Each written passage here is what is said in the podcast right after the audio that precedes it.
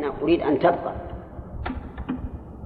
أريد أن تبقى وآخذ الأرش يعني مقابل ما زاد من ما زاد بالثمن من هذه الصفة اللي حصل فيها التدليس فإنه لا يلزمه. لأن هذا فوات صفة مطلوبة. فلما لم تكن الصفة موجودة فليس له إلا الرد فقط. بخلاف خيار العيب كما سيأتي إن شاء الله. نعم.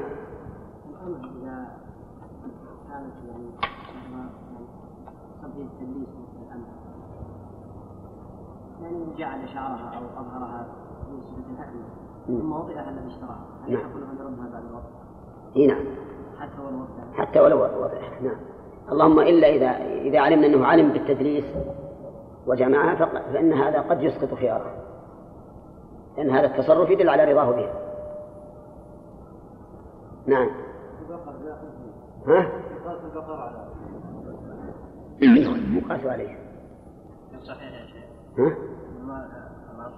ها؟ أقول ما له إيش؟ أقول ما له عرش يعني عرش القيمة اي نعم ما له عرش لأن هذا فوات صفة مقصودة إما أن تأخذها بما هي عليه وإلا اتركها لأن حتى الأرش حتى في في العيب كما سيأتي شيخ الإسلام يرى أنه هو واجب يقول لأن العرش معاوضة جديدة فلا بد أن يتفق عليها. طلب طلب إيش؟ قال له خذها والزائر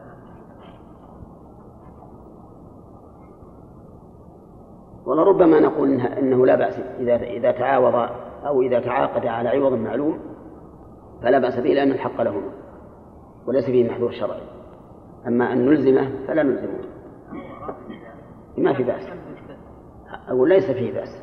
لأن يعني أقل ما نقول فيه أنه أسقط حقه من من الرد بهذا العوض. الخامس خيار العيب. الخامس من أقسام الخيار خيار العيب. وخيار العيب هنا من باب إضافة الشيء إلى سببه. والعيب ضابطه كما قال المؤلف وهو ما ينقص قيمة المبيع. هذا الضابط. كل صفة أو حال تنقص قيمة المبيع فإنها عيب. مثاله يقول كمرضه اشترى الإنسان حيوانا فوجده مريضا. هذا عيب لا شك لأنه ينقص قيمة المبيع وظاهره ولو كان المرض مما يرجى برؤه لأن الذي يرجى برؤه قد لا يبرأ فله أن يرد كما سيأتي. ثاني وفقد عضو أو سن. فقد عضو أو سن. العضو مثل فقد إصبع من الأصابع أو يد أو أذن أو ما أشبه ذلك. أو سن سواء كان السن من من الأسنان أو من الأضراس. فإذا وجد المبيع. قد فقد السن أو فقد سنا واحدا أو أكثر فإنه عيب. حتى لو كان من الفك الأعلى في الشاة. ها؟ نعم. إن كان في الأضراس في الأضراس. إيه زين. إذا فيه تفصيل نعم. أي فيه تفصيل إن كان أضراسا فيمكن.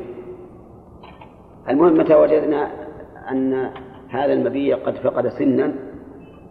طيب لو فرض أنه فقد السن لكن ركب جعل تركيبة. هل هذا عيب؟ نعم هذا عيب.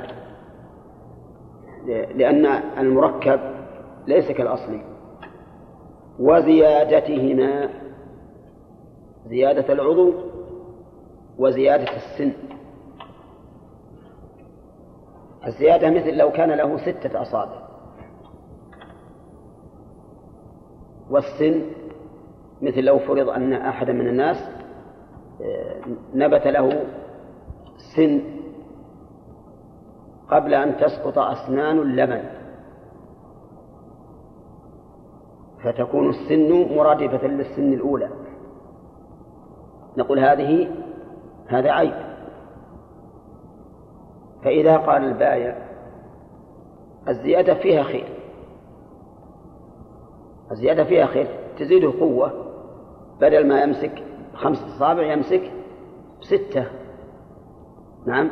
إذا أخذ مثل فناجيل بعراهن كم يبي يأخذ إذا كان أصابعه خمسة؟ وإذا كان ستة يأخذ ستة. وكذلك أيضا لو قال بالنسبة للأسنان فماذا نقول له؟ ها؟ وهذه شبهة ولا بأس طيب وش لازم نجيب عن الشبهة. نقول إنها تنقص القيمة. ونحن ليس لنا يعني ما لنا من منفعتها. ما دام تنقص القيمة فإنها فإنها تعتبر عيبا. وبهذه المناسبة هل يجوز أن تقطع الإصبع الزائدة أو لا؟ الفقهاء يقولون لا يجوز ويعللون ذلك بأن بالخطر بالخطر. ولكن بناء على تقدم الطب الآن فإن الصحيح جواز ذلك لأن هذا إزالة عيب وليس من باب التجميل. وإلا لو كان من باب التجميل لكان حراما. ولهذا لعن النبي عليه الصلاة والسلام النامصة والمتنمصة لأنها تزيل شيئا خلقها الله خلقه الله من أجل التجميل. أما هذا فإنه يقطع أصبعا زائدة من باب إزالة العيب وأنت الآن قدر نفسك قد أصبت بهذا الأمر. ألست تحب أن لا يراك الناس؟ ها؟ نعم ما في شك. يحب أن لا يراه الناس. ويحصل عنده انتفاضة أو انتفاضة نفسية إذا شاهد الناس هذا الشيء الزائد. فالصواب أن أن إزالة الأصبع الزائدة في وقتنا الحاضر جائز. جائزة ولا ولا شيء ولا شيء فيها. وهذا نظير ما قال العلماء في في قطع البواسير. قالوا إن قطع البواسير حرام. ليش؟ قال لأنه يمكن ينزف الدم حتى يموت. فيكون متسببا نعم لقتل نفسه. ولكنه في الوقت الحاضر أصبحت هذه العملية عملية بسيطة وليس فيها أي نوع من الخطر. فلكل مقام مقال والحكم يدور مع علته وجودا وعدما. طيب وسرقته. زنا الرقيق. وزنا الرقيق. زنا الرقيق. يعني معناه أن يكون الرقيق زانيا سواء كان رجلا أو امرأة. وهل المراد أن يثبت زناه ولو مرة أو لا بد أن يكون الآن على ما هو عليه؟ ظاهر كلام المؤلف أن يثبت ولو مرة إلا أن يتوب توبة نصوحا ونعلم أنه استقامت حاله فهذا لا ليس بعيب. وأما إذا زنى ولم نعلم أنه تاب فإنه ربما يحن إلى هذا الأمر ويعود إليه.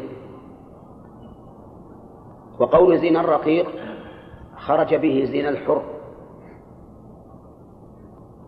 كذا؟ فليس بعيب. ها؟ أو الحر لا يباع. أي نعم. الحر لا يباع. إذا وش خرج بها؟ زنا البهيمة. أو هذا هذا اللي بأنه واقع أي نعم. زنا الرقيق وسرقته. أي نعم السرقة هذه مشكلة. إذا كان هذا الرقيق قد سرق ولو مرة واحدة ما لم نعلم أنه تاب فإن هذا عيب يثبت به الرد للمشتري وإباقه. وش معنى إباقه؟ يعني هربه هربه. إذا عرف بأن هذا الرقيق يهرب عن سيده ولا يبقى عنده فإن هذا عيب. ولو كان مرة ولو مرة. يعني إذا علمنا أنه أبق عند البائع ولو مرة فإنه عيب. ها؟ إي نعم يجوز. الا انه يجب أن تبين حاله. ها؟ لا ما ما سمع نصف خمسة طيب. وبوله في الفراش. نعم. بوله في الفراش بول من؟ بول الرقيق في الفراش. يعني معنى أنه إذا نام وأحس بالبول يبول. هذا عيب. لكنه قيده في الشرح بأن يكون قد بلغ عشر سنين. قد بلغ عشر سنين. فأما إذا كان صغيرا فإن بوله في الفراش ليس بعيب لو مثلا اشترى رجل اشترى رجل رقيقا له سنتان. قد فطم وأبقاه عنده. فلما كان صباح اليوم الثاني جاء إلى البائع وقال له هذا الرقيق يبول في فراشه. وأنت ما شرطت عليه بالأبول ماذا يقول له؟ ها؟ يقول هذا عادة الصبيان. هذا هذا ليس بعيب ولهذا لا ينقص قيمته. والمدار كله على تنقيص القيمة. ويأتي إن شاء الله تعالى حكم هذا الخيار. الثمن. فيما إذا وقع الثمن فيما إذا وقع العقد على عين الثمن. وسبق لنا أن العيب ما ينقص قيمة المبيع. قال بعضهم أو ينقص عين المبيع. فالخصى في الرقيق. الخصى في الرقيق. عيب. وهو يزيد قيمته ولا ينقص؟ وهو يزيد في قيمته. لكنه عيب لأن صاحبه قد يريد منه قد يريد أن يكون فحلا. وقال بعض أهل العلم إن الخصى في الرقيق. إن كان المشتري له غرض في كون المبيع فحلا فله الخيار. وإن لم يكن له غرض فلا خيار له لأن لأن نقول له لا يخلو إما أنك قد اشتريته للتكسب أو اشتريته للخدمة. إن كنت قد اشتريته للتكسب نعم فكونه خصيا أكسب لك. وإن كنت اشتريته للخدمة فكونه خصيا أسلم لأهلك. ولا لا؟ لأن الغالب أن الخصي ما يكون عنده شهوة.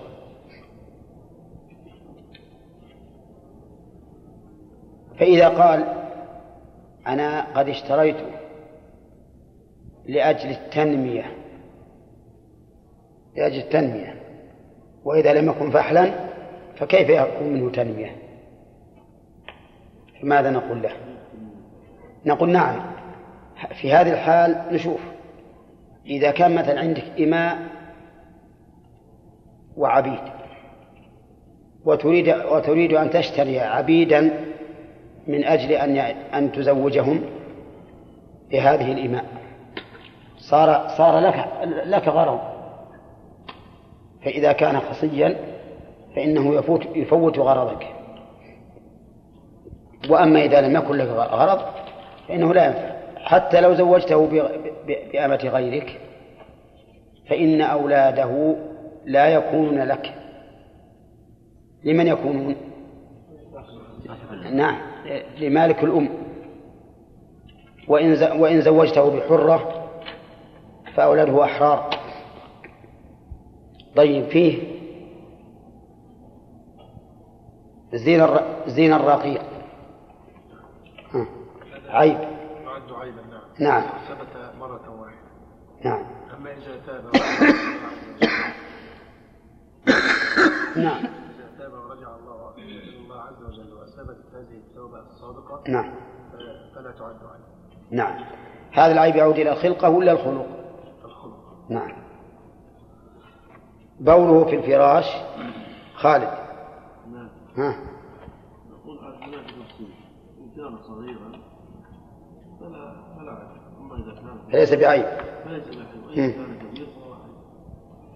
وش حد الكبر الكبار نعم. بعد البلوغ إلى البلوغ بعد البلوغ بعد البلوغ يعني إذا كان يقوع على الفراش وهو له 13 سنة 14 سنة فليس بعيب في سن الرضاعة سن الرضاع.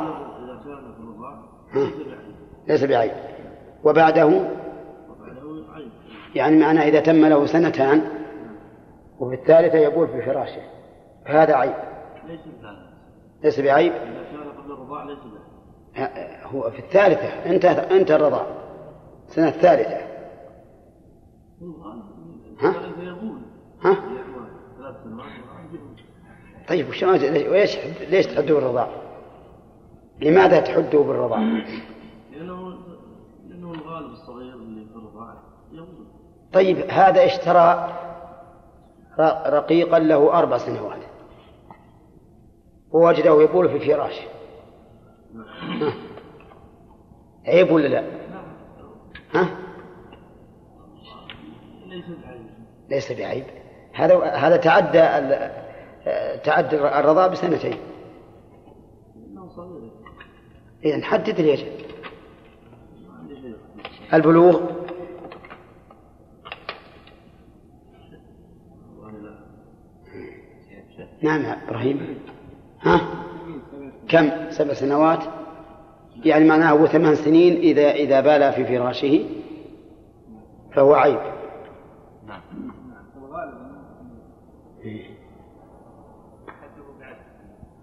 نعم. حدده الفقهاء بعشر سنوات. في عشر سنوات. نعم. ولكننا إذا قلنا إن العيب ما ينقص قيمة المبيع عرفا فإن نرجع في ذلك إلى العرف. وفي ظني أن عشر سنوات يعتبر يعني يعتبر قدرا كبيرا. زاد على السابع عيب أي أقول هذا هو أقول أت- يعني لو حدد بأقل من سبع من عشر كان أحسن. سبع هو الغالب سبع ما يتعب أي الظاهر إن الناس إذا كان الرجل أو كان نعم كان الطفل يبول وله ثمان سنوات يعتقدون هذا من العيب. لأن في أطفال ما ما يتعدى ثلاث سنين بعضهم إلى أي نعم. هذا الغالب طيب يقول مؤلف ها البيع أو خيار البيع بالنجس إذا تم النجس البيع نقول بصحة البيع أو بطلانه ب- نقول بصحته مع الخيار. ما نقول أنه إذا ورد نهي في يعني ذات الشيء هذا مو نهي عن البيع نهي عن الغش. ما ورد على على ذات البيع. لو قال لا تبيعوا لا تبيعوا ما غششتم فيه صح. صار صار وارد على على على عين العقد. إيش عندك يا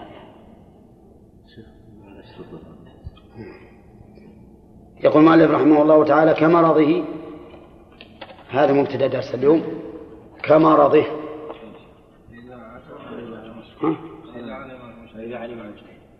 عجيب وصلنا هذا؟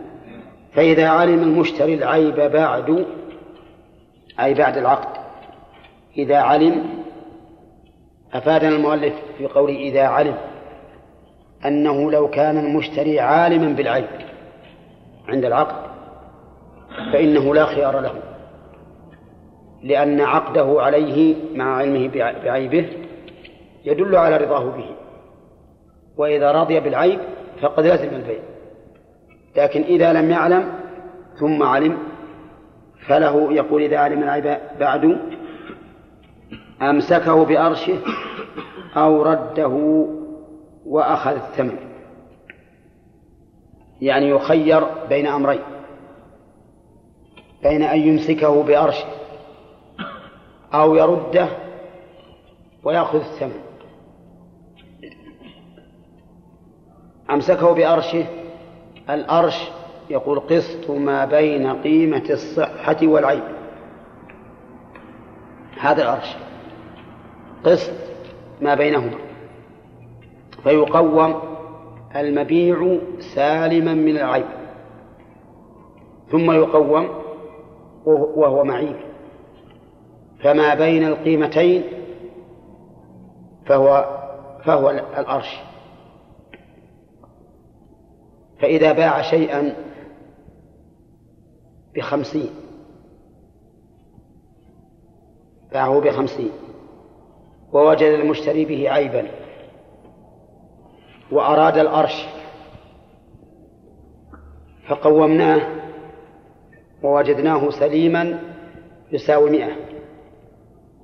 ومعيبا يساوي ثمانين. كم العرش عشرين. ها؟ لا. هي هو قال آه، آه، هو اشتراه بخمسين. وطلب العرش. وقومناه سليما بمئة. ومعيبا بثمانين. كم العرش؟ فيه عرش. ما فيه الفرق بين القيمتين كم؟ عشرين. اي اي لا ربما انها زادت زادت السلع. ربما زادت السلع أو إنه نعرف إنه قد قد حاباه. ونحن ما يدعي الغبن. البائع مو بيدعي الغبن. نقول إن انتبه للتعبير. نقول إن الأر إن الأرش هنا خمس. لأن العشرين بالنسبة للمئة خمس. فيكون أرش الخمس. ونسقط عنه من الثمن الأصلي. ما هو الثمن الأصلي؟ خمسون. نسقط منها الخمس. الخمس كم؟ عشرة. ما تقول نسقط عشرين؟ لأنك لو أسقطت عشرين من الخمسين صار الأرش أربعين من المئة. انتبه ولهذا قال قسط ما بين قيمة الصحة والعيب. ولم يقل لم يقل رحمه الله وهو الفرق بين ما قيم بين قيمة الصحة والعيب بل قال قسط لأجل أن تضيف ذلك النسبة إلى قسطها. فلا فلا تقدرها بالعدد بل قدرها بالنسبة دائما. فقل الآن نسبة العيب عشرين في المئة أي الخمس.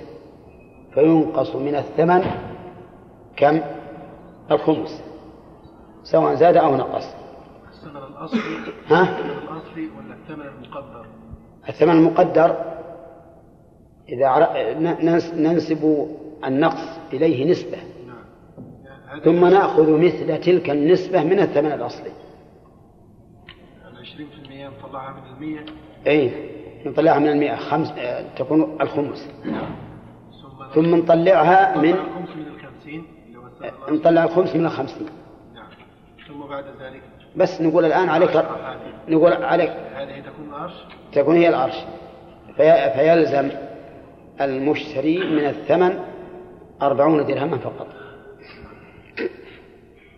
طيب أو رده وأخذ الثمن. أو رده وأخذ الثمن. يقول أيضا آه، لك أن أن ترده. ترد إيش؟ ترد البيع تفسخه وتأخذ الثمن. فأنت أيها المشتري بالخيار. هذا ما ذهب إليه الفقهاء رحمهم الله.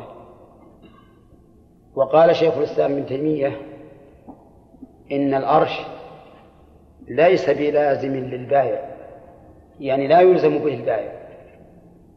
إن, إن وافق وإلا فإن للمشتري أن يرد المبيع فقط.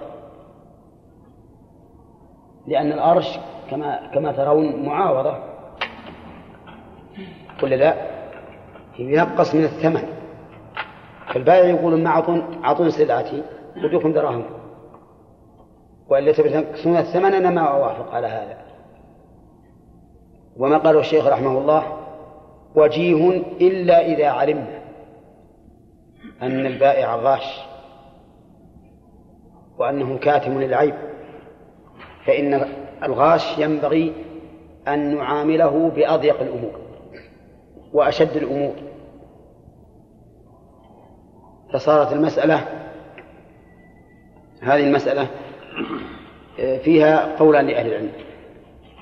القول الأول أنه إذا ظهر عيب في المبيع فللمشتري الخيار بين الإمساك والرد فقط. وهذا اختيار شيخ شيخ الإسلام ابن تيمية. والمذهب أن للمشتري الخيار بين الإمساك مع الأرش وبين الرد. فنقول للمشتري إن شئت أبقيناها عندك ويسقط عنك ما يقابل نقص العيب وإن شئت فارددها على صاحبها وخذ الثمن. وأقول إن ماذا إنه لو فصل في هذه المسألة وقيل إذا كان البائع غاشا معتديا فإننا نعامله بأضيق الأمرين. فنقول إنه يخير المشتري بين الأرش وبين الرد. وأما إذا لم يكن غاشا مثل أن يكون لا يعلم بالعيب هو بنفسه ما يعلم بالعيب فإنه فإن لا لا نلزمه بالتعويض ونقول للمشتري إن كنت تريد السلعة بما فيها من العيب وإلا فردها على صاحبها.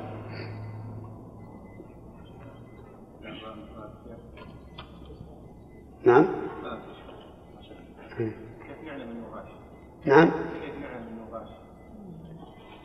إذا علمنا أن أنها أن هذا العيب كان يتحدث به البائع مثلا. كان يتحدث به البائع يقول إن السلعة فيها كذا وكذا وأنا ببيعة ما أصلحت لي. مثلا لأنها حرون لأن هذه الدابة حرون أو عضوض أو تمنع اللبن ولكنه كتمه على المشتري. طيب باقي عندنا سبق خيار العيب خيار الغبن وخيار التدريس وذكرنا أن المذهب ليس فيه إلا أن يرد أو يبقي بلا عرش وأن الصواب أنه يرد أو يؤرش له. لكننا نقول في الأرش مثل ما قلنا في أرش العيب إذا كان البائع عالما وهو الغالب في مسألة التدليس أنه أنه عالم فإنه يؤرش عليه. فيقال لك الخيار بين أخذها على ما هي عليه ويقدر لك الفرق بين قيمتها على وجه التدليس وقيمتها على وجه السلام منه. وأما إذا كان غير غاش فإنه لا شيء عليه. وكذلك نقول في خيار الغبن. والحديث كما عرفنا في مسألة المصرات يدل على أنه ليس له عرش. وهو إما, إما أن يرد وإما ويرد مع صاع من تمر وإما أن يأخذها. وليس له عرش. البائع ما ما له اختيار العرش. لا. ماني معطيك عرش ما رد البضاعة ولا؟ أما المذهب فلا, خيار له. المذهب أن المشتري يخير رضي البائع عن كره. من شيخ الإسلام هو الذي يقول إن البائع ما يلزم بالعرش. ولكني قلت كما سمعت إن الصواب التفصيل في ذلك. نعم. الحديث ها؟ كيف؟ إنه؟ مخالف الحديث مخالف؟ الحديث ما تعرض للعرش. لأنه ما طلبه صاحب صاحب أي وإن كان ظاهر ظاهر الحديث أنه لا عرش. إن قال إن شاء أمسكها وإن شاء أمسكها وإن شاء ردها.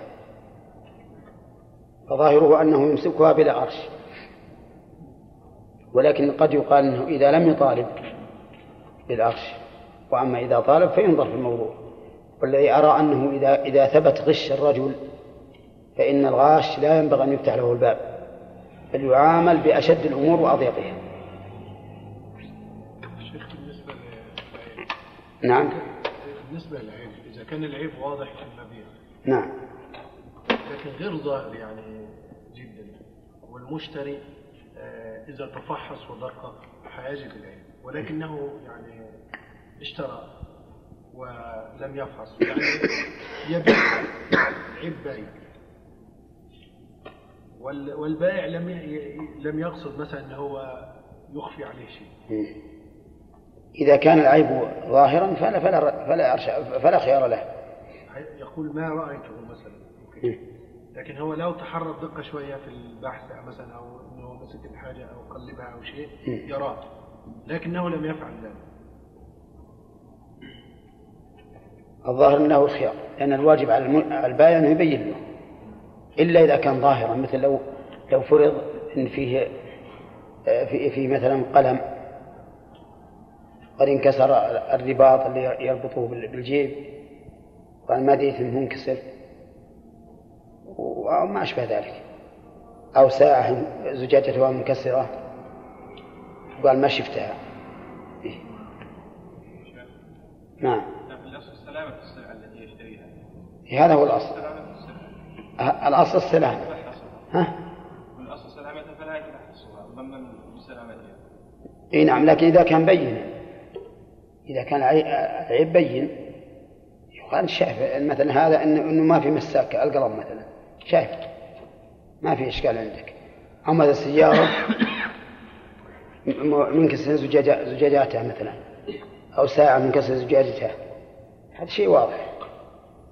أما الشيء الذي خفي ولكنه نعم بالتدقيق يمكن تعرفه. فهذا الأصل السلامة يثبت له الخيار. قال المؤلف رحمه الله تعالى أمسك وهو قسم ما بين قيمة الصحة والعيب وأخذ الثمن أو رده وأخذ الثمن وإن تلف المبيع أو عتق العبد تعين الأرش لو قال المؤلف إن تعذر الرد تعين الأرش لكن أعم في العبارة. إن تعذر الرد تعين الأرش تلف المبيع. هنا يتعين الأرش لماذا؟ لأنه ما يمكن الرد. تلف المبيع. احترق. يعني مثلا هذا إنسان اشترى آلة تسجيل مسجل ووجد به عيبا. وأشهد عليه. على أنه سيرده على صاحبه أو يأخذ الأرش فاحترق هذا هذا المسجل. وش يتعين؟ يتعين الأرش لأن الرد هنا متعذر وكذلك لو ماتت البهيمة فإنه يتعين الأرش لأن الرد متعذر ومثل أيضا لو عتق العبد.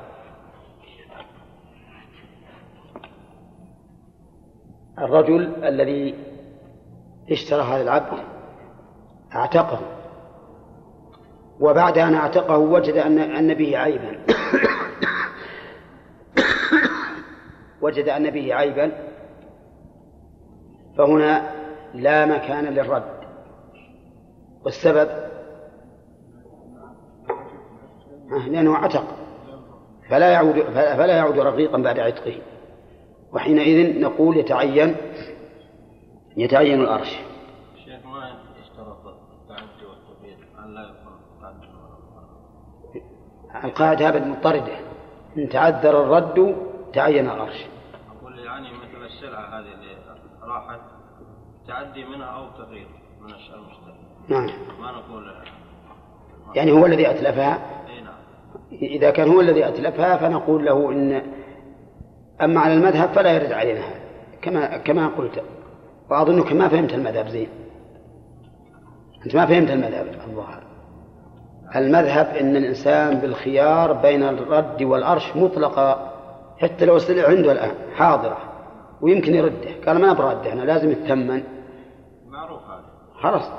فالمؤلف رحمه الله يقول إنه إذا تعذر الرد ما بقي عندنا إلا الأرش يتعين الأرش. أما على الرأي الثاني اللي يقول ما, ما لا أرش الا لا أرش إلا برضا البائع فهنا نقول إنه لا أرش إلا برضا البائع لكن إن تعذر الرد فلا بد من الأرش لأن لا يمكن أن نضيع حق المشتري. وسبق لك أننا قلت أن أنني قلت إنه ينبغي أن يقال إن كان البائع قد غش فإننا نخير المشتري بين الأمرين. بين الرد والأرش وأما إذا كان غير غاش فإن القول بإلزامه بالأرش فيه نظر. يقول وإن اشترى ما لم يعلم عيبه بدون كسره كجوز هند وبيض نعام فكسره فوجده فاسدا فأمسكه فله أرشه وإن رده رد أرش كسره وإن كان كبيض دجاج رجع بكل الثمن. هذا الإنسان اشترى شيئا لا يعلم عيبه بدون كسره.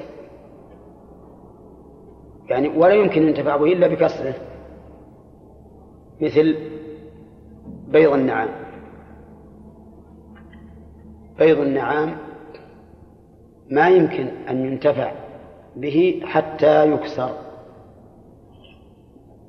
هذا الرجل لما كسر البيضة وجد أن أن الذي كان داخلها فاسدا. وجد أن الذي كان داخلها فاسد. ففي هذه الحال له الخيار بين الإمساك في الأرش وبين الرد لكن إذا ردها فإنه يرد أرش الكسر. هو نفسه عليه أرش الكسر. ما هو أرش الكسر؟ يعني نقص هذا هذا البيض لأن بيض النعام ينتفع به بعد بعد إزالة ما في جوفه. ينتفع به كأواني. يجعل أواني ينتفع به. هذا الرجل يقول الآن إن, إن, إن كسرته على وجه ينقص به فإنه فإن عليك أرش أرش الكسر.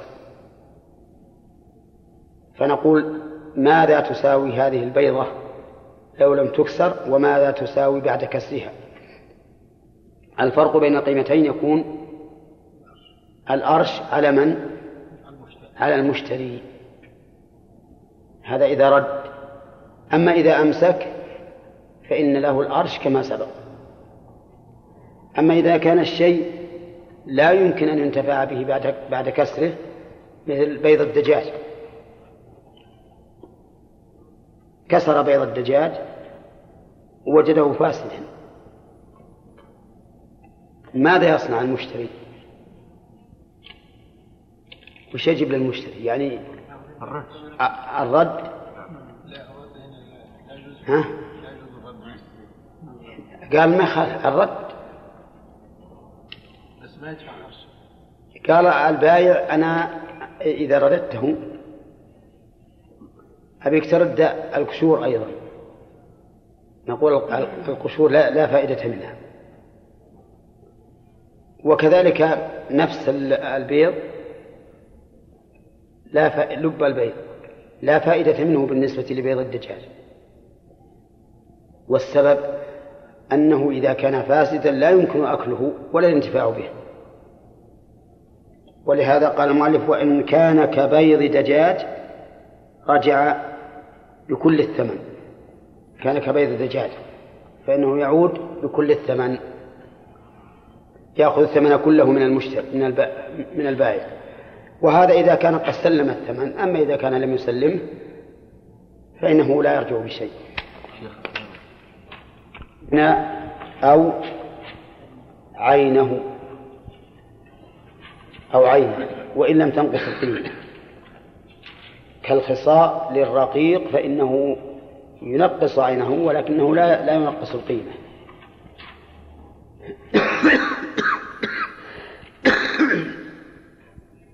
يقابله جزء من من السلعة. فإذا فقد جزء من السلعة لازم أن يفقد من أن يفقد به جزء من الثمن. وهذا هو الأرش هذا هو الأرش شيخ الإسلام يقول لا إن الأرش عبارة عن معاوضة جديدة لأنه للمش... للبائع الخيار. أن يقول أنا لا أريد هذا إما أن تعطوني سلعتي كاملة وأعطيكم الثمن كاملا وإما أن تأخذوها كاملة ولي الثمن. وذكرت لكم أن الأقرب عندي أنه إذا كان البائع غاشا فإن الصحيح ما ذهب إليه أصحاب المذهب. وإن لم يكن غاشا فإننا لا نلزمه بهذا التعويض الجديد. طيب فيه رجل عيب متراخ. خيار عيب متراخ يعني أنه على التراخي وليس على الفورية. فلا نقول إنه بمجرد أن يعلم المشتري العيب يجب أن يرد فإن لم يفعل فلا خيار له لا. نقول له أن يتأخر يوما أو يومين ثم يرد لأن لأن هذا حق له. فلا يسقط بتأخر المطالبة به. فإن الحق الثابت لشخص لا يسقط إلا بإسقاطه إياه. وأما مجرد تأخير المطالبة به فلا يدل على إسقاطه. هذا هو التعليل أن نقول التعليل لأن هذا حق ثابت له. فلا يسقط. إلا بإسقاطه فإذا أسقطه وقال إني علمت العيب ولكن اشهدوا أنني, أنني راض بهذا المبيع معيبا. سقط حقه.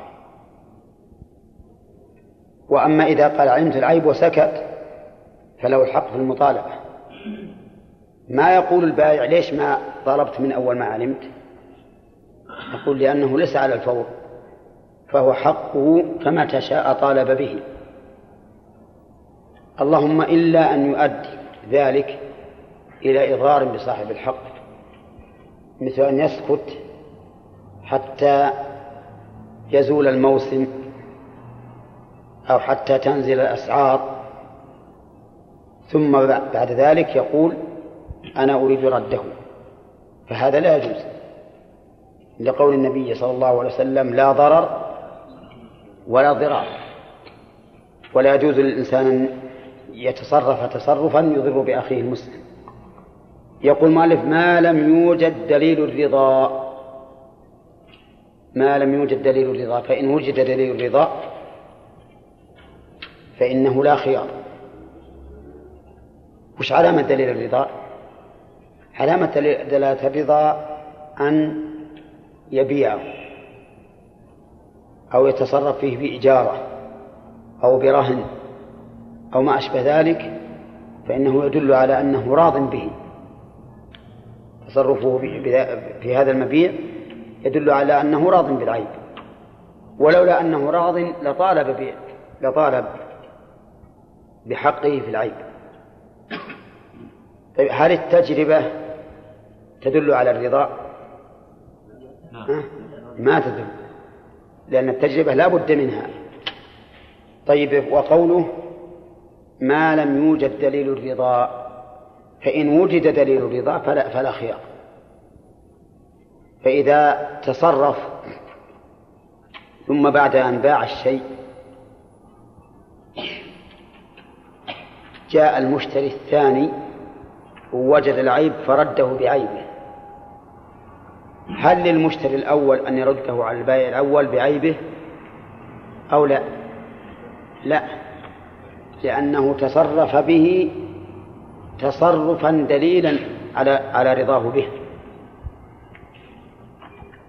أما لو قال أنا الله ما علمت وبعته غير عالم بعيبه ولولا أن المشتري الثاني نبهني على ذلك ورده علي من أجله.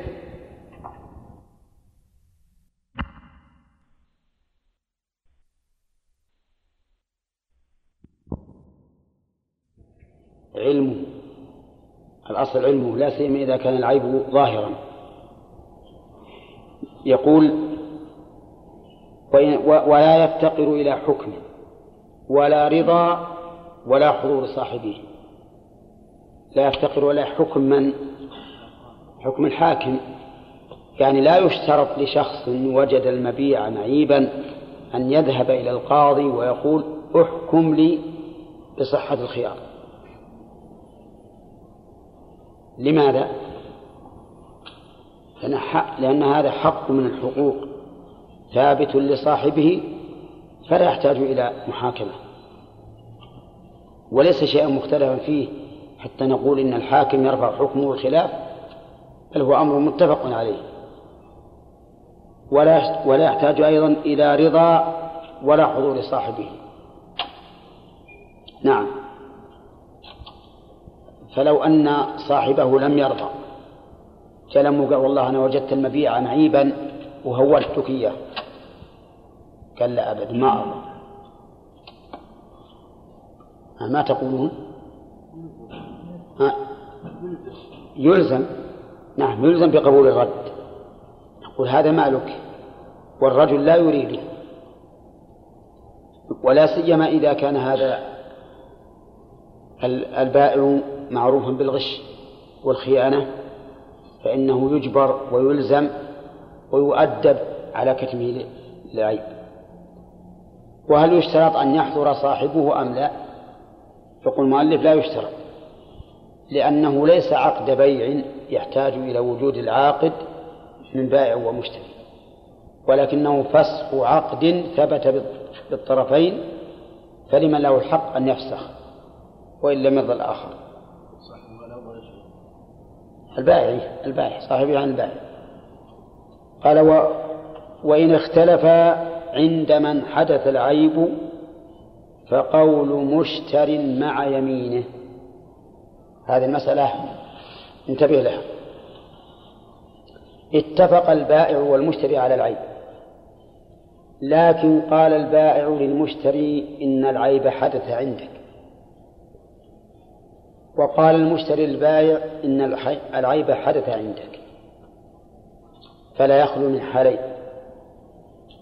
أحدهما أو إحداهما أن يمتنع صدق أحدهما. والثانية أن يحتمل صدق أحدهما. فإن امتنع صدق أحدهما فالقول قول من؟ قول الثاني الذي لا لا, لا يحتمل قوله الكذب. إذا امتنع صدق أحدهما فالقول قول الثاني الذي لا يحتمل قوله الكذب. مثاله اشتريت غلاما ولما ذهبت به إلى البيت نظرت وإذا فيه أصبع زائدة. أيقظ أخوك كم غسل كم غسل ها؟ ها؟ اي ما ما, ما عليه انك تغسل شوف الماء البارد من البرادات احسن أحسن. اشتريت الغلام وذهبت به إلى البيت ووجدت في ووجدت أصابع يديه رجليه اثني عشر اصبعا. يعني في زيادة أصبع في كل قدم. فرجعت به على البائع. فقال العيب حدث عندك. إيش تقولون؟ آه، يمتنع صدقه؟ من القول قولها الآن؟ قول المشتري. قال المشتري هذا كيف حدث عنده؟ نقول المشتري احلف أنه ما حدث عندك وإنما حدث عند البائع. ما يحلف أيضا. لأن الحلف هنا لغو لا فائدة منه.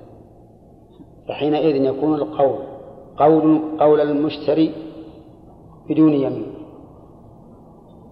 طيب الصورة الثانية آه، اشترى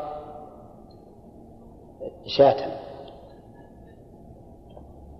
فلما ذهب بها إلى البيت وجد فيها دملا.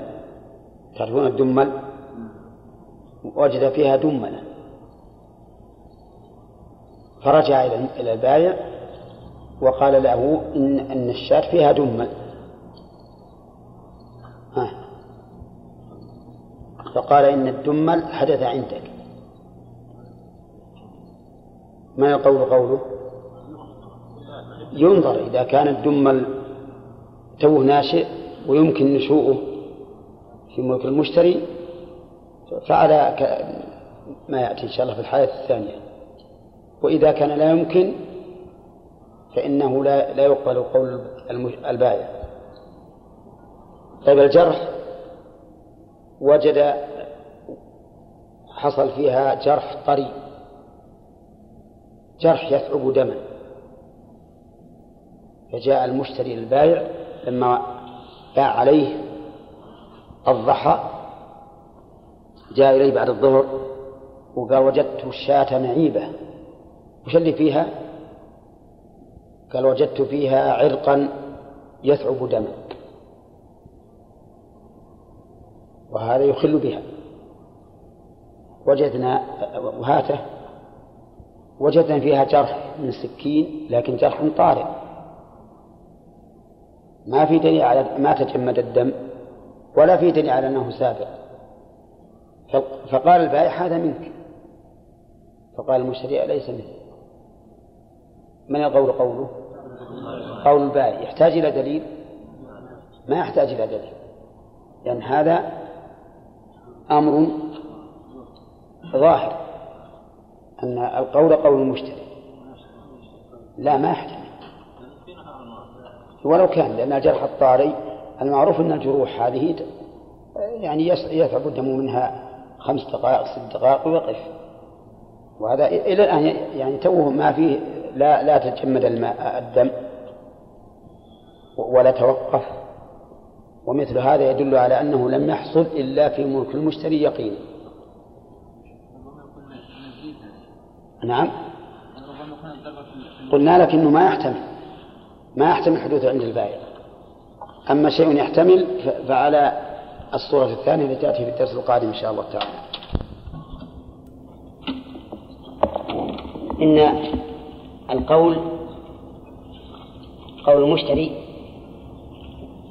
لأن هذا العيب جزء فائت في العين في العين المبيعة والأصل عدم وجوده الأصل عدم وجوده.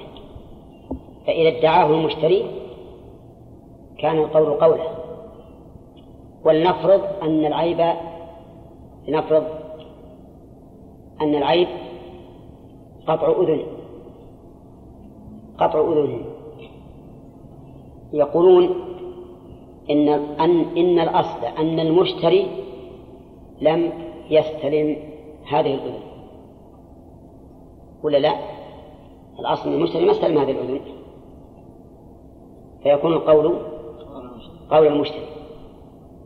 وكذلك العيب كل العيوب حتى العيوب المعنوية يقولون إن الأصل عدم استلامها. الأصل عدم استلامها. فإذا كان الأصل عدم استلامها فإن القول فيها قول المشتري. هذا هو حجته ولكن الصحيح أن القول قول البائع لأن الأصل السلامة. والعيب طارئ حادث. فنقول لمن ادعى أن هذا معيب أثبت. أثبت أنه معيب فإذا كنا لا نقبل قوله أنه معيب فكذلك لا نقبل قوله أنه معيب قبل العقد المشتري لو ادعى أن المبيع معيب وقال البائع ما في عيب أبدا. من القول قوله؟ قول البائع بلا شك. لكن البائع مقر بالعيب. لكن اختلفوا اختلف البائع والمشتري هل كان قبل العقد أو بعده. فالبائع يقول بعد العقد والمشتري يقول قبل العقد. فما هو الأصل؟ السلامة أو الأصل العيب؟ الأصل عيب آه نعم السلامة. فإذا كان لا يقبل قول المشتري في أصل وجود العيب فكذلك لا يقبل قول المشتري في زمن العيب فالقول الصحيح أن القول قول البائع ولكن لا بد من اليمين فيقول والله ما بعته معيبا في هذا العيب وإنما بعته سليما منه. وإذا حلف على هذا الوجه قيل للمشتري لا خيار لك. واضح؟ نعم هذا هذا هو هذا هو الصواب. وعليه فقول فقول المؤلف رحمه الله فقول مشتر مع يمينه. هذا الحكم فما علته؟ ها وش علته؟ لأن العيب جزء فائت والأصل عدم تسلم المشتري له فيقبل قوله بيمينه في أن هذا الجزء الفائت كان قد فات قبل العقد وأما الذين يقولون إن قول البايع فيقولون إن الأصل السلامة وعدم العيب وعدم العيب. فلا يقبل قول مدعيها أو مدعي العيب إلا ببينة. ويقول أيضا إذا كنا لا نقبل قول المشتري في أصل العيب فلا نقبله في زمن العيب. ما نقبله في زمن العيب؟ لأن الأصل عدم وجود هذا العيب. وهذا القول هو الصواب في, هذه المسألة. لأن الأصل السلامة وأن هذا المبيع تام الأعضاء وتام الصحة حتى يقوم دليل وبين على أنه فاقد ذلك نعم.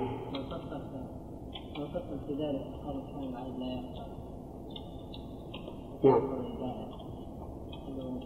لا. ما الوجه لأن لأن لأن البائع إذا أنكر أصل العيب فإنه لا يقبل إلا ببينة. فإذا ثبت العيب بعد إنكاره فلا يقبل إنكاره أنه حدث بعده لأنه أنكر الأصل. ثم تبين أنه كاذب في, في إنكاره فلا يقبل منه. أما إذا قال نعم أنا أقول أنه الآن معيب بلا شك لكن هذا العيب ما حدث عندي. فنقول أصل السلامة قال المؤلف السادس خيار في البيع بتخبير الثمن. قول بتخبير الثمن متعلق بالبيع. يعني السادس خيار فيما إذا باع بتخبير الثمن. لا بتخبير يا أخي. قلت لكم قبل وهو يقرأ عدلوها. بتخبير بالباء وتخبير مصدر خبر يخبر تخبيرا. أي أخبر يخبر إخبارا. أي نبأ ينبئ تنبئة أو أنبأ ينبئ إنباء أي أعلم يعلم إعلاما وعلم يعلم تعليما هذا نجيب زود؟ نعم. فمعنى تخبير الثمن يعني أن يخبر البائع بالثمن. نعم. وعلى هذا فيكون قوله بتخبير الثمن متعلق بالبيع والبيع مصدر يعمل عمل فعله. يعني السادس خيار فيما إذا باع السلعة بالتخبير عن ثمنها فتبين أن خبره كاذب. فيقول مثلا اشتريتها بألف ثم يتبين أنه اشتراها بتسعمائة مثلا. الآن هذا للمشتري الخيار بأي سبب؟ وش سببه؟ سببه التخبير الكاذب بالثمن. لأن البائع خبره خبرا كاذبا بثمن هذه السلعة. عرفتم الآن؟ وهو نوع من الغش والتدليس. نوع من الغش والتدليس. فإنه أظهر أن السلعة بثمن كثير وهي في الواقع بثمن قليل. فهي فهو حرام أي الإخبار بخلاف الواقع حرام. ولهذا جعل للمشتري الخيار. قال المؤلف في تخفيض الثمن متى بان؟ متى بان أقل؟ متى بان أقل؟ وأما قوله أكثر فإنها لم توجد في كتب الأصحاب رحمهم الله وهي عند التأمل لا وجه لها. متى بان أقل؟ فإذا أخبره بالثمن فبان أقل فله الخيار. وإن بان أكثر ما له خيار. لكن هل للبائع الخيار؟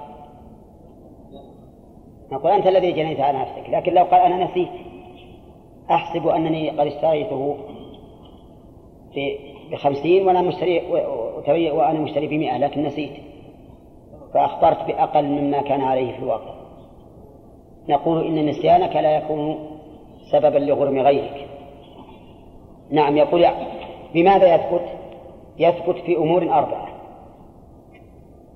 في التولية والشركة والمرابحة والمواضعة والبيع بالتخبير يقابله البيع بالمساومة. البيع بالمساومة البائع كيف وش معنى البيع بالمساومة؟ يجي لما إنسان يريد أن يشتري مني سيارة أقول سم سم السيارة. أبيع عليك أو ما أبيع لكن التخبير البيع بالتخبير بالثمن أن أقول أبيعها بمثل ما اشتريت أبيعها عليك بمثل ما اشتريتها به. هذا فيه نوع من التقييد. والأول فيه نوع من التحرر يكون البائع والمشتري غير متقيدين بثمن إن جاز لي أن ما, ما, ما سمح به بعت وإلا فلا. والبيع في المساومة أسلم من وجه. ولكنه أخطر من وجه آخر. أسلم من جهة أنه ما يكون فيه كذب بالإخبار بخلاف الواقع لكنه أخطر من حيث إن البائع ربما يطمع ويزيد في ثمن السلعة كثيرا. ففي كل منهما سهولة من وجه وخطورة من وجه آخر. وأيهن أشد طمأنينة للمشتري المساومة ولا التخبير؟ الغالب أن التخبير أشد أشد طمأنينة له لأنه يقيد يقيد الثمن بما اشتريت به. يقول يثبت في التولية والشركة والمرابحة والمواضعة. التولية هي البيع برأس المال. البيع برأس المال تسمى تولية. وسميت تولية لأن الإنسان البايع يجعل المشتري متوليا ما تولاه متوليا ما تولاه داخلا مدخله. فلهذا نسميها تولية. مثل أن يقول بعتك هذا الشيء برأس مالي وثمنه علي مئة هذه نسميها تولية واضح؟ الشركة أن يبيع بعضه أن يبيع بعض المبيع برأس ماله هذه مثل أن يقول بعتك على نصف هذا. هذه الأرض نصف هذه الأرض بمثل ما اشتريته بها بمثل ما اشتريته به وقد اشتريت الأرض بعشرة آلاف ريال كم تكون قيمة النصف يا عيسى؟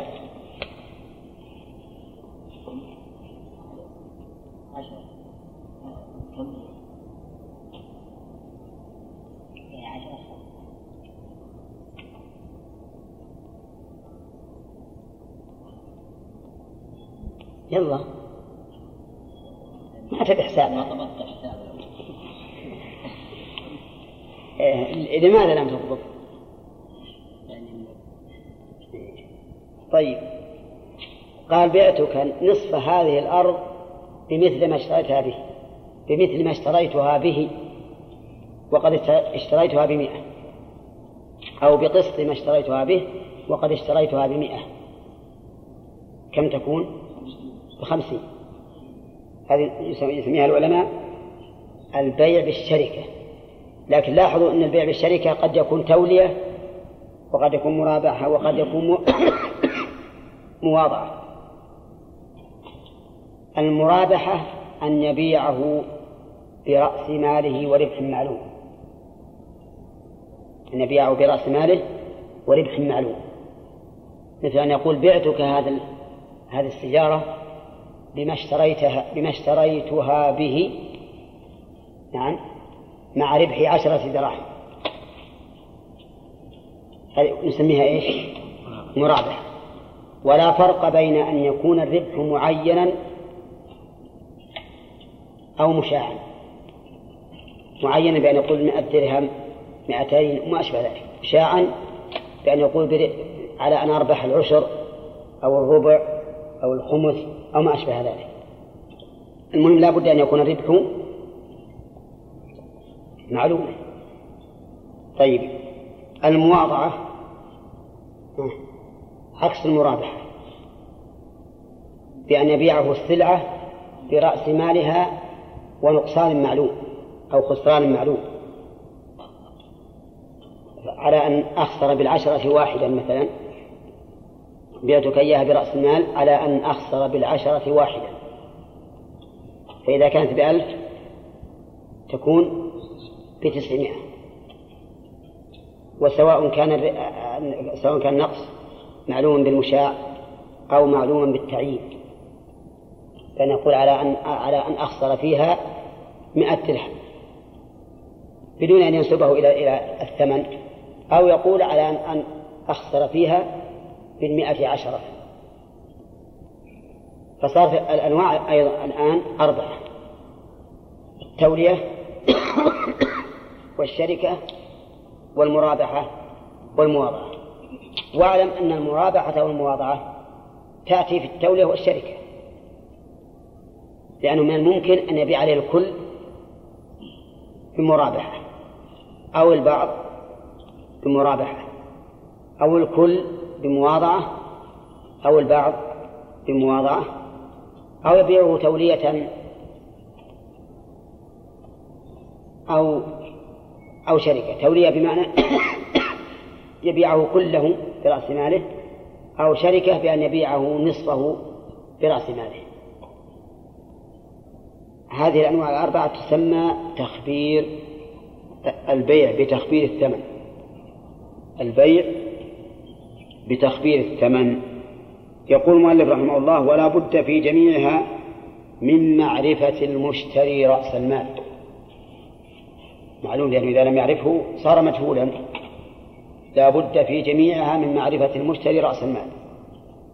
فلو قال بعتك هذا البيت برأس مالي والمشتري لا يعلم فإن البيع غير صحيح.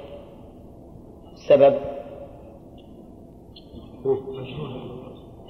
لأن الثمن مجهول ومن شرط ومن شروط البيع أن يكون الثمن معلوما واضح؟ طيب المؤلف يقول لا بد أن يكون من لا بد في جميعها من معرفة المشتري. رأس المال والبائع ما يشترط معرفة رأس المال ها؟ لا لا لا ربما ما عرف ربما يكون البائع له وكيل يبيع له ويشتري ولا لا؟ ها؟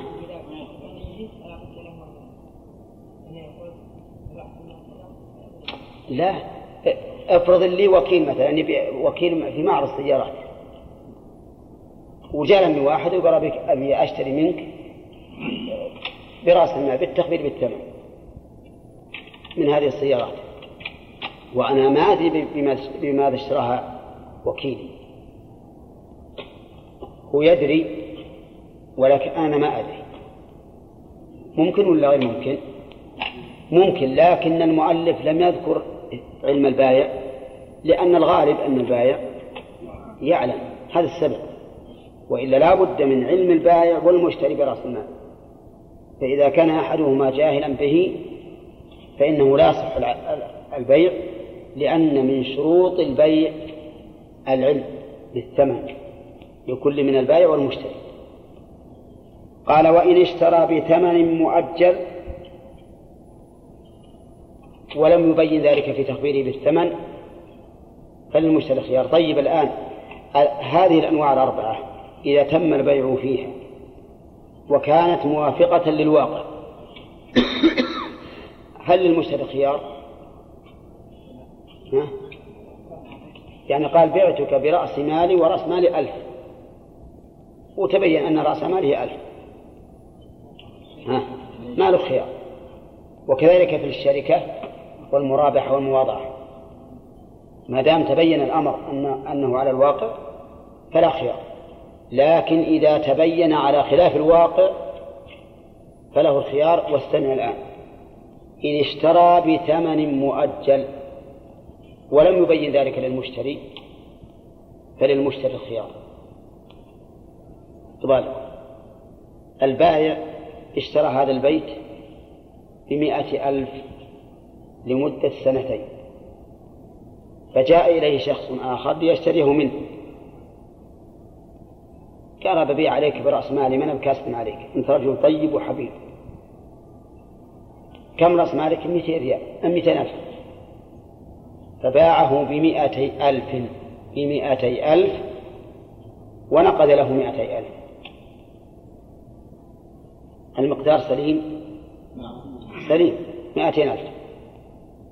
لكن هناك صفة تستلزم زيادة الثمن. لم يبينها البائع للمشتري ما هي الصفة؟ تأجيل الثمن. تأجيل الثمن غالبا يزيد به الثمن لكن البائع ما ما أخبر المشتري. قال أخبره إني مشتريه بمائتين إلى أجل إلى سنتين ما اشتراه مني بمائتين ولكن أنا بقول أبيع عليك برأس مالي بمائتين وأنا صادق فيما قلت إني شري بمائتين للمشتري الخيار ولا لا؟ له الخيار فإذا قال البائع أنا ما صدق ما كذبتك اشتريته بمائتي ألف وبيت عليك برأس المال مائتي ألف وش يقول؟ ها؟ نعم يقول كذبتني لأنك اشتريته مؤجلا وثمن المؤجل الثمن المؤجل غير الثمن الحاضر هذا واحد. هذا اشترى بثمن مؤجل أو ممن لا تقبل شهادته له. من اللي ما تقبل شهادته له؟ الأصول والفروع والزوجة والزوجة. هذا رجل اشترى بيتا من زوجته بمئتي ألف ريال. وجاءه إنسان وقال بيكتبوه عليه. برأس ماله قال نعم جاء عليك بمئتي ألف ريال لأن هذا رأس ماله عليه ولم نخبره أنه من زوجته فله الخيار ولا لا؟ ها؟ يقول له الخيار وش الخيار؟ ليش؟ قال لأن الغالب أن الإنسان يحابي زوجته قد يشتري منها ما يساوي 200 وهو لا يساوي إلا 180 مثلا. وكذلك بالعكس. وكذلك لو كان اشتراه من ابنه. اشتراه من ابنه بمائتي ألف وجاء إنسان وباع عليه برأس ماله بمائتي ألف ولم يخبره أنه اشتراه من ابنه. فله خيار لماذا؟ لأن الإنسان إذا اشترى من ابنه فربما يحابيه ويشتري منه ما بمئتين ما يساوي مئة وثمانين. إذن إذا اشتراه ممن لا تقبل شهادته له وهم الأصول والفروع وأحد الزوجين فإنها فإن للمشتري الخيار إلا إذا بين له. وظاهر كلام المؤلف أن له الخيار وإن لم يكن محاباة. يعني لو فرض أن الثمن هو الثمن وأنه لو اشتراه من غير زوجته مثلا لكانت هذه قيمته فإن له خيار لأنه يقال لماذا لم تخبر؟ أقول اشتريته من زوجتي اشتريته من أبي اشتريته من ابني حتى يكون المشتري على بصيرة أو اشتراه أيضا بأكثر من ثمنه حيلة. بأكثر من ثمنه حيلة. يعني مثل أن يشتريه تحيلا لاستخلاص حقه. هذا واحد أطلبه عشرة آلاف ريال. وأبى أن يوفيني إما لفقره أو مواطلته فوجدت معه سيارة تساوي ثمانية آلاف ريال. قلت أعطني هالسيارة بعشرة آلاف ريال. بعشرة آلاف ريال. اشتريتها بعشرة آلاف ريال وش لأجله أستوفي بها. فجاءني رجل وقال أريد أن تبيع علي السيارة برأس مالها فقلت بعتها عليك برأس مالها وهو عشرة آلاف ريال وهذا وثيقة البيع ولكني ما بينت ما بينت له أنني اشتريتها استيفاء. فله ها له الخيار. السبب لأن قيمتها كم؟ ثمانية آلاف. وأنا اشتريتها بعشرة استنقاذا لحقي. ولهذا قال أو بأكثر من ثمنها حيلة. وهذه صورة من صور الحيل وإلا يعني قد يكون هناك أشياء أخرى فيها فيها يعني فيها راعيته فيها لمصلحتي كما لو اشتريتها بأكثر من ثمنها من أجل أن يؤجرني بيته مثلا أو من أجل أن يزرعني مزرعته أو ما أشبه ذلك. فإنه فإنه في هذه الحال إذا تبين أنه أكثر من قيمة المثل فإن للمشتري الخيار. نعم. أقول كثيرا يستخدمون حقهم كذا ويبيعون على الناس. إيه لكن هل يبيعها برأس مال أخشى أنه يبيعها مساومة مو بتولية يكون أنا شاريهم 10000 إيه لا ما يجوز هذا. هذا حرام عليه. ها؟ أعوذ بالله. ابتدى درس اليوم. أو باع بعض الصفقة بقسطها من الثمن ولم يبين ذلك في تخبيره بالثمن فللمشتري الخيار. باع بعض الصفقة يعني اشترى اشترى مثلا ثلاث سيارات. ثلاث سيارات. اشتراها بستين ألفا. بستين ألفا. كم ثمن كل سيارة؟ عشرين ألف. هو باع سيارة منها أي من الثلاث باعها بقسطها من الثمن بعشرين ألف. ثم باع الثنتين تولية بكم؟ بأربعين ألف. قال بعت عليك هاتين السيارتين برأس مالي وهو أربعون ألفا ثم تبين أنه قد اشترى ثلاث سيارات وباع واحدة. فللمشتري الخيار. وهذا معنى قوله أو باع بعض الصفقة بقسطها من الثمن. فنقول للمشتري الخيار لماذا لم تقل له إنني اشتريت بعت عليك سيارتين من ثلاث تولية برأس المال؟ لا بد أن تبين. وهذه المسألة اختلف فيها المؤلف والمذهب. فالمذهب يقولون إنه إذا كان الثمن ينقسم على المبيع بالأجزاء فلا خيار لأن ما في ضرر.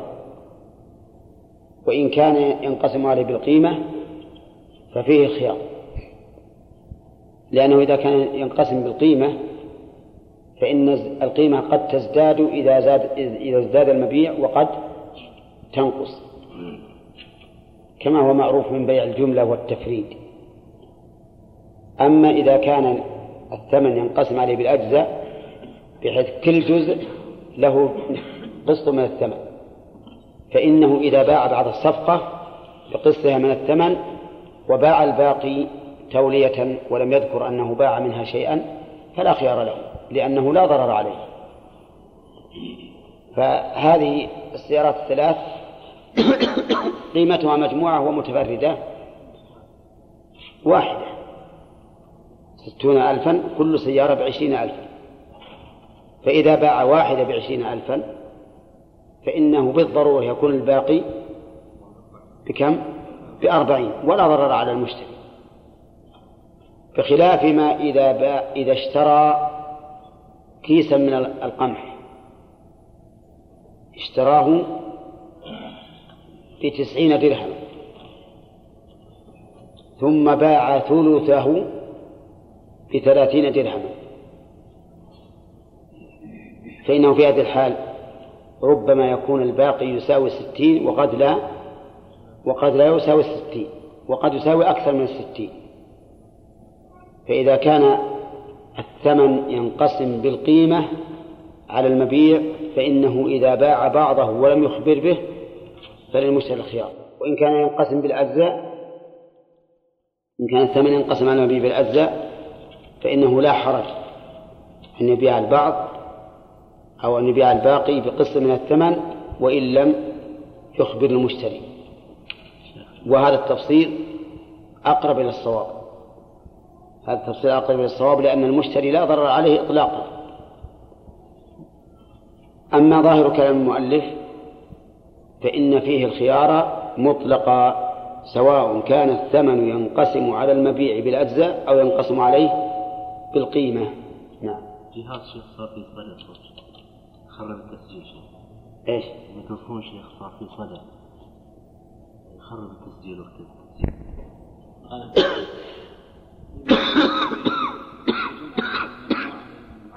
نعم. يحرجون عليها يعني بشعر ثم يضربونها في علم مثلا قد تكتب 300 ريال واحدة يقف الحرج على 300 ثم يعطى مثلا 3000 هل يلزم هنا أن يخبر لأنه قد يتفاوت السعر. مثلا قد مثلا بعض ما يسوى 250 إيه هنا الثمن ينقسم بالقيمة. أقول الثمن الآن ينقسم بالقيمة بلا شك. بس مجزأ هي مجزأة لكنهم قالوا إنها من 300 ريال كلها. على على سبيل ما يسمونه بالتعديل. لأنه أح يعني أهون عليهم. من أن نقول هذه ب 250 وهذه ب 350 وهذه ب 300 وما أشبه ذلك. إنما حقيقة الأمر أن أن قيامها تختلف. فعلى هذا إذا باع شيئا منها فلا بد أن يخبر به. لأن الثمن ينقسم عليها بالقيمة لا بالأجزاء. بخلاف السيارات السيارات هي هي ما ما تختلف. كل سيارة بعشرين ألف. نعم.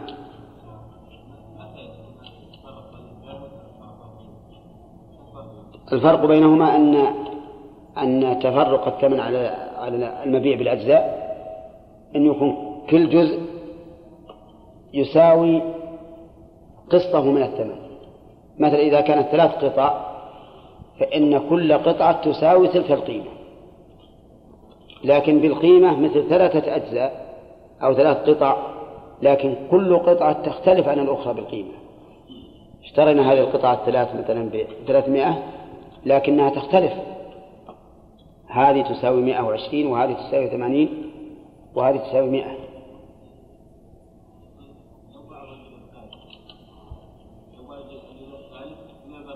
ما يجوز لأن قد يختلف التقدير.